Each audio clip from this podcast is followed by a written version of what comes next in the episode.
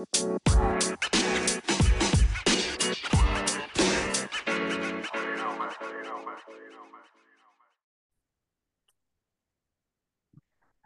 og velkommen til en ny adventsluke i Norsk Bonde- og Småbrukerlag og Jordbrukspottens eh, adventskalender. I dag har vi vært så heldige å fått med oss en Terje Horn, og en Grim er også med som medprogramleder. Du Terje, kan ikke du si litt om hvor du kommer fra en, og hva du holder på med i livet ditt? Du, Jeg kommer fra ei lita bygd som heter Rotrubygda i Lillehammer kommune, og der bor jeg fortsatt. Og eh, jeg er da annengenerasjon bureiser, bruker jeg ofte å si, og er veldig stolt av at jeg kan si det. Og Det betyr jo at jeg er født og oppvokst på ei bureisingsbruk som var starta i 1937. Eh, foreldrene mine hadde vært bureisere her i åtte år da jeg kom til, og fem av de årene så hadde det vært krig i Norge. så... Eh, Like etter krigen og slik, så fikk vi kanskje en litt annen start på oppvekst og liv enn det som de fleste har i dag, men vi hadde et godt liv. Ja, Det er interessant, eh, Terje. Du er da et såkalt fredsbarn, du da? Og, Hva sa du? Eh, ja, Da er du såkalt et såkalt fredsbarn. Du er født i 45, ikke sant? Jeg er født eh, helt i starten på 46. Ja, riktig. Og da har jo du en eh, ballast med deg eh, i livet fra, eh, fra bureisingsbruk. Og kanskje du kan si litt hvordan det var eh, ja, både før jul og i forbindelse med juletradisjoner. Ja, altså det... hva, er dine, hva er dine beste minner på det? Ja, Det kan være flere. for Det er mange gode minner fra oppveksten og, og tida før jul. Men eh, du vet, denne tida der så da handla alt om å skaffe mat, tross alt. Det var like etter krigen. Og, og noe av det likeste vi visste, for det hadde vi lært, at når vi slakta julegrisen, da ble det kolossalt med god mat av mange forskjellige slag. Og, og det, Selv om det kunne være stusslig at det ble slakta dyr, så var det ingen som syntes at det var stusslig, for grisen han ga en haug med god mat. Nei da. Men du, jeg lurer litt på, mor og far din starta jo opp da som bureisere. Hva var bakgrunnen til det, og kjøpte de seg en teig av en gårdbruker, eller var det via noe ny jordprosjekt, eller hvordan kom det til? Ja, altså, Hvis vi tar bureiserhistoria litt, altså, altså for 100 år siden, og det er en stutt tidsfolk tidsbolk i historisk sammenheng, så var det hungersnød i Norge. Stor utvandring til Amerika og Canada, og den beste arbeidskrafta emigrerte. Da lot myndigheten ta grep, og det gjorde de den gangen. De tok grep for å sikre økt matproduksjon, arbeidsplasser og styrke sjølforsyninga av norsk mat. Og Da ble den politisk organiserte bureisinga igangsatt eh, litt før 1920. En stutt periode, men i de 20 årene fra 1940, 1920 til 1940 så ble det altså etablert 20 000 bureisingsbruk. Ca. 1000 i året. I dag så legger vi ned halvparten av antall bruk i året. Og vi opplever vel òg at det er ikke samme forståelsen hos myndighetene i dag for å produsere mat på norske ressurser og eh, styrke sjølforsyninga. Mm. Ja, det er vi helt enige om. Men eh, i det området, i området deres så var det ikke så mye sånne nye myrdyrkingsprosjekter av den typen som du hadde i Nordland og Trøndelag og sånn. Hvordan var det bureiserne fikk til jord der, liksom? Var det i statlig regi, eller kjøpte dem av gårdbrukere? Hvordan fungerte det? Det fungerte ofte med direktehandel. Men det som lå riset bak speilet, det var jo at myndighetene hadde endra jordlova slik at de kunne ekspropriere hvis det ikke ble frivillig handel. Og jeg har aldri hørt om at ikke handelen var frivillig, for det ga som regel mest til selgeren. Og det var jo slike gamle slåttenger og hemsetrer og forskjellig som da ble eh, solgt til eh, bureiserjord. De skulle jo ha ca. 100 mål. 50 mål til skog og 50 mål som kunne dyrkes. Det var sett, ansett for å kunne bli veldig bra bruk. Tilbake til bruket ditt. da. Terje, heter ikke det Engjom? Kan du dra det litt ned på gardsnivå? Nå ramla jeg litt ut, så kan godt snakke prate om det. Men eh, det er jo litt interessant ja, altså, å høre dette bruket her, da, det starta foreldrene mine på i 1937. Og det er i forholdsvis stort bruk, for her fikk de kjøpe 150 mål. Så eh, her var òg da planen at det skulle bli en 70 mål med dyrka mark, og det har det da faktisk blitt med de to generasjonene som har. Eh, drevet her for, foreløpig. Og den tredje generasjonen er godt i gang, og eh, jeg er veldig tilfreds med at det bruket har utvikla seg fra ingenting og til der jeg er i dag, med rundt 130 mål med dyrka mark og ganske brukbar bebyggelse. I denne bygda som jeg bor i, så var det bare to bureisingsbruk. Men i gamle Fåberg kommune, da, som ble sammenslutta med Lillehammer for akkurat 60 år siden nå til nyttår, så var det 43. I Lesna så var det jo vanlig, ofte hvis det var mulig, at det, det, det ble eh, bureiserfelt. Og i Oppland så er jo kanskje Murudalen, som de fleste har hørt om, Siedal og Heidalen, det største. Der var det noen og 20 etablerte bureisingsbruk.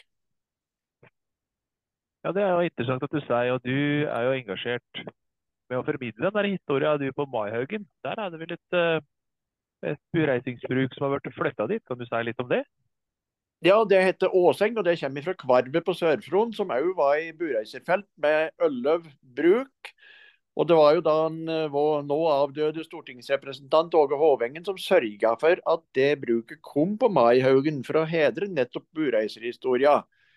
Og eh, jeg synes jo at selv om den, som jeg sa i stad, bureiserperioden den er veldig stutt i historien vår, så er det en kolossalt viktig og betydningsfull uh, del av livet vårt som vi bør formidle til alle som er villige til å høre på.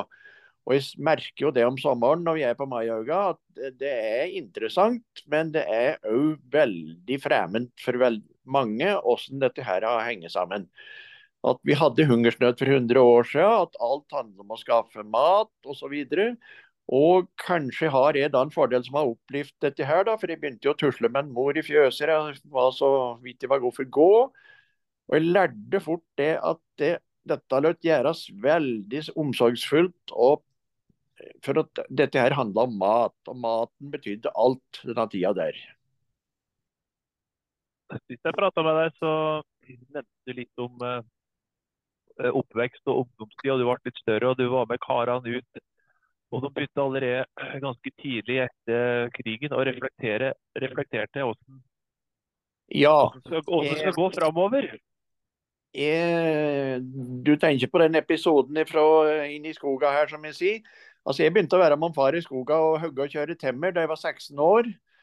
Og eh, så var det noen som bodde inne i Messenlind, nabobygda. De hadde òg en gard her nede. Og så hentet vi møttes, de kom med høylass, og vi skulle hjem igjen. Og en far som da hadde vært ute i 1940, og den eldste av Sakarum, de begynte å prate litt om eh, framtida og òg tida vi var i. Og dette skal vi da merke oss, det var ikke men 17 år etter at den andre verdenskrigen var slutt. Men allerede da så, så disse gamlekarene det at det vi var på tur med ei utvikling som ville føre oss ja, dit vi er kommet i dag. Da, til dårlig selvforsyning, dårlig matproduksjon, dårlig beredskap. Og da husker jeg så vel at denne messendøren, messendørene de har en veldig støytete dialekt, og han sa det slik. Det er stygt å se det, men dette er det bare en fremmed makt som kan endre på. Og det var da 17 år bare etter at krigen i Norge var slutt. Så da var de inne på et veldig viktig spor som vi kanskje har fått lov å erfare en del rundt, sjøl vi som har blitt voksne i dag. Ja, og det er jo mye fra historia som er skremmende likt. da. Vi har pandemi, vi har krig. Og jeg syns vi fortsatt mangler noe av det alvoret og forståelsen som skal til da, for, å, for å drive oss fremover, for å løse problemene.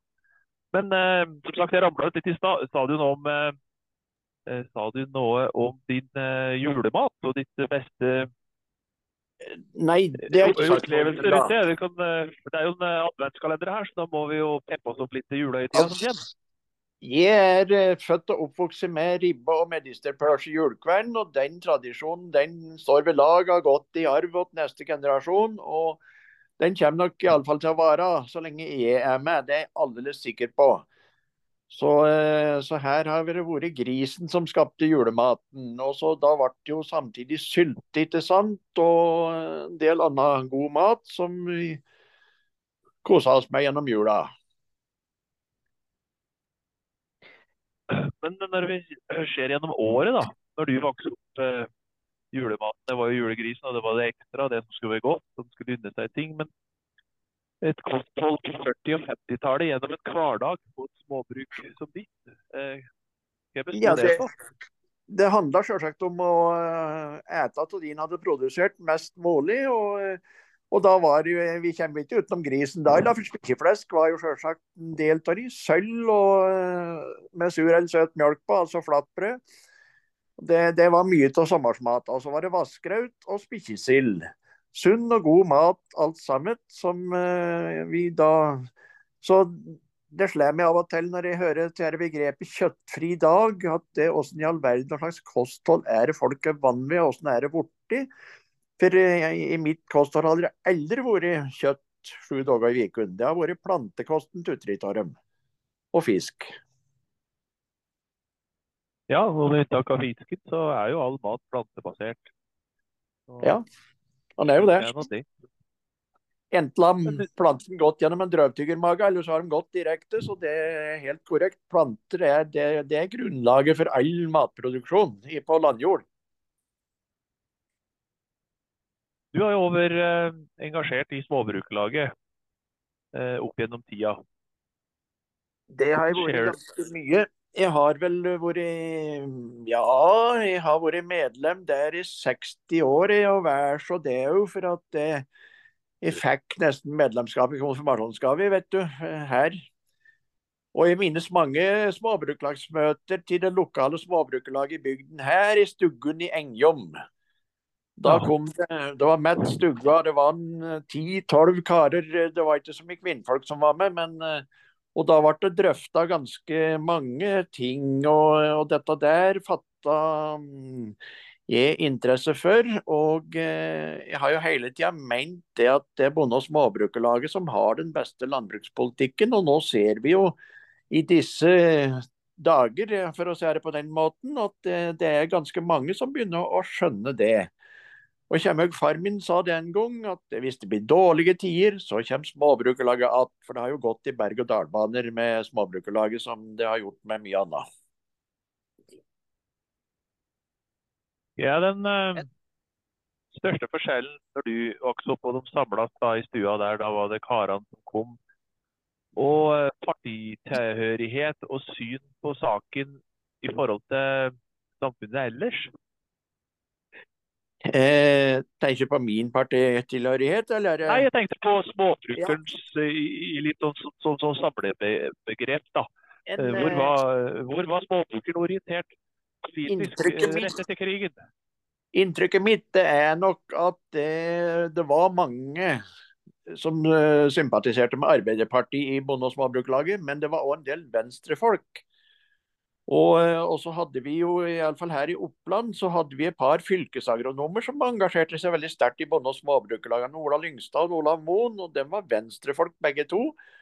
Og iallfall den ene kom på Stortinget. Åssen det var med den andre er jeg litt usikker på, men eh, slik at det, det var eh, også Etter hvert så kom sjølsagt det som ble starta som Sosialistisk Folkeparti inn i bildet.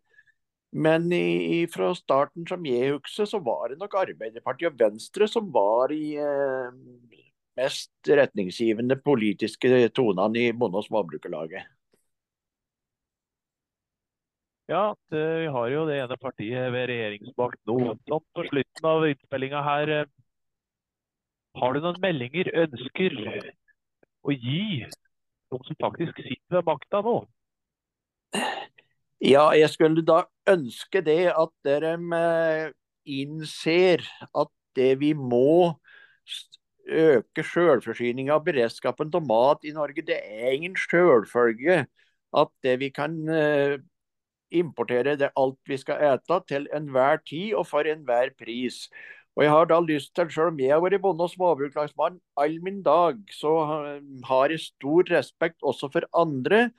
Og jeg mener det var en generalsekretær, Paul M. Dahlberg i Norges Bondelag, som sa det en gang, at vi måtte tøfte matproduksjon på plogkjøl og ikke på skipskjøl.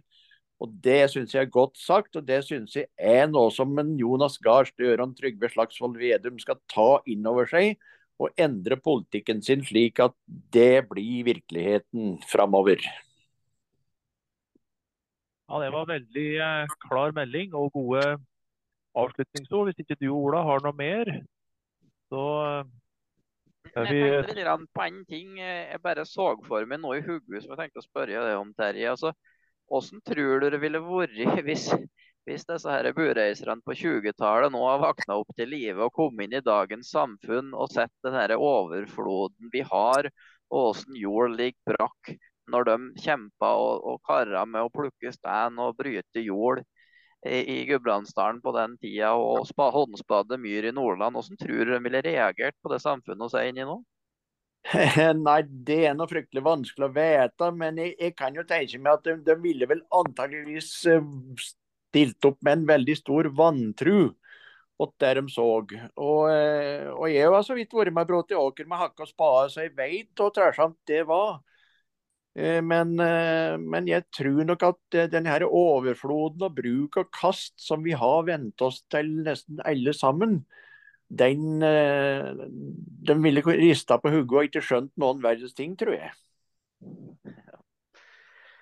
Nei, men Da sier vi tusen hjertelig takk for at du, du tok deg tida, Terje. Og lykke til videre med arbeidet på gården og formidlinga av den viktige historien du har å fortelle.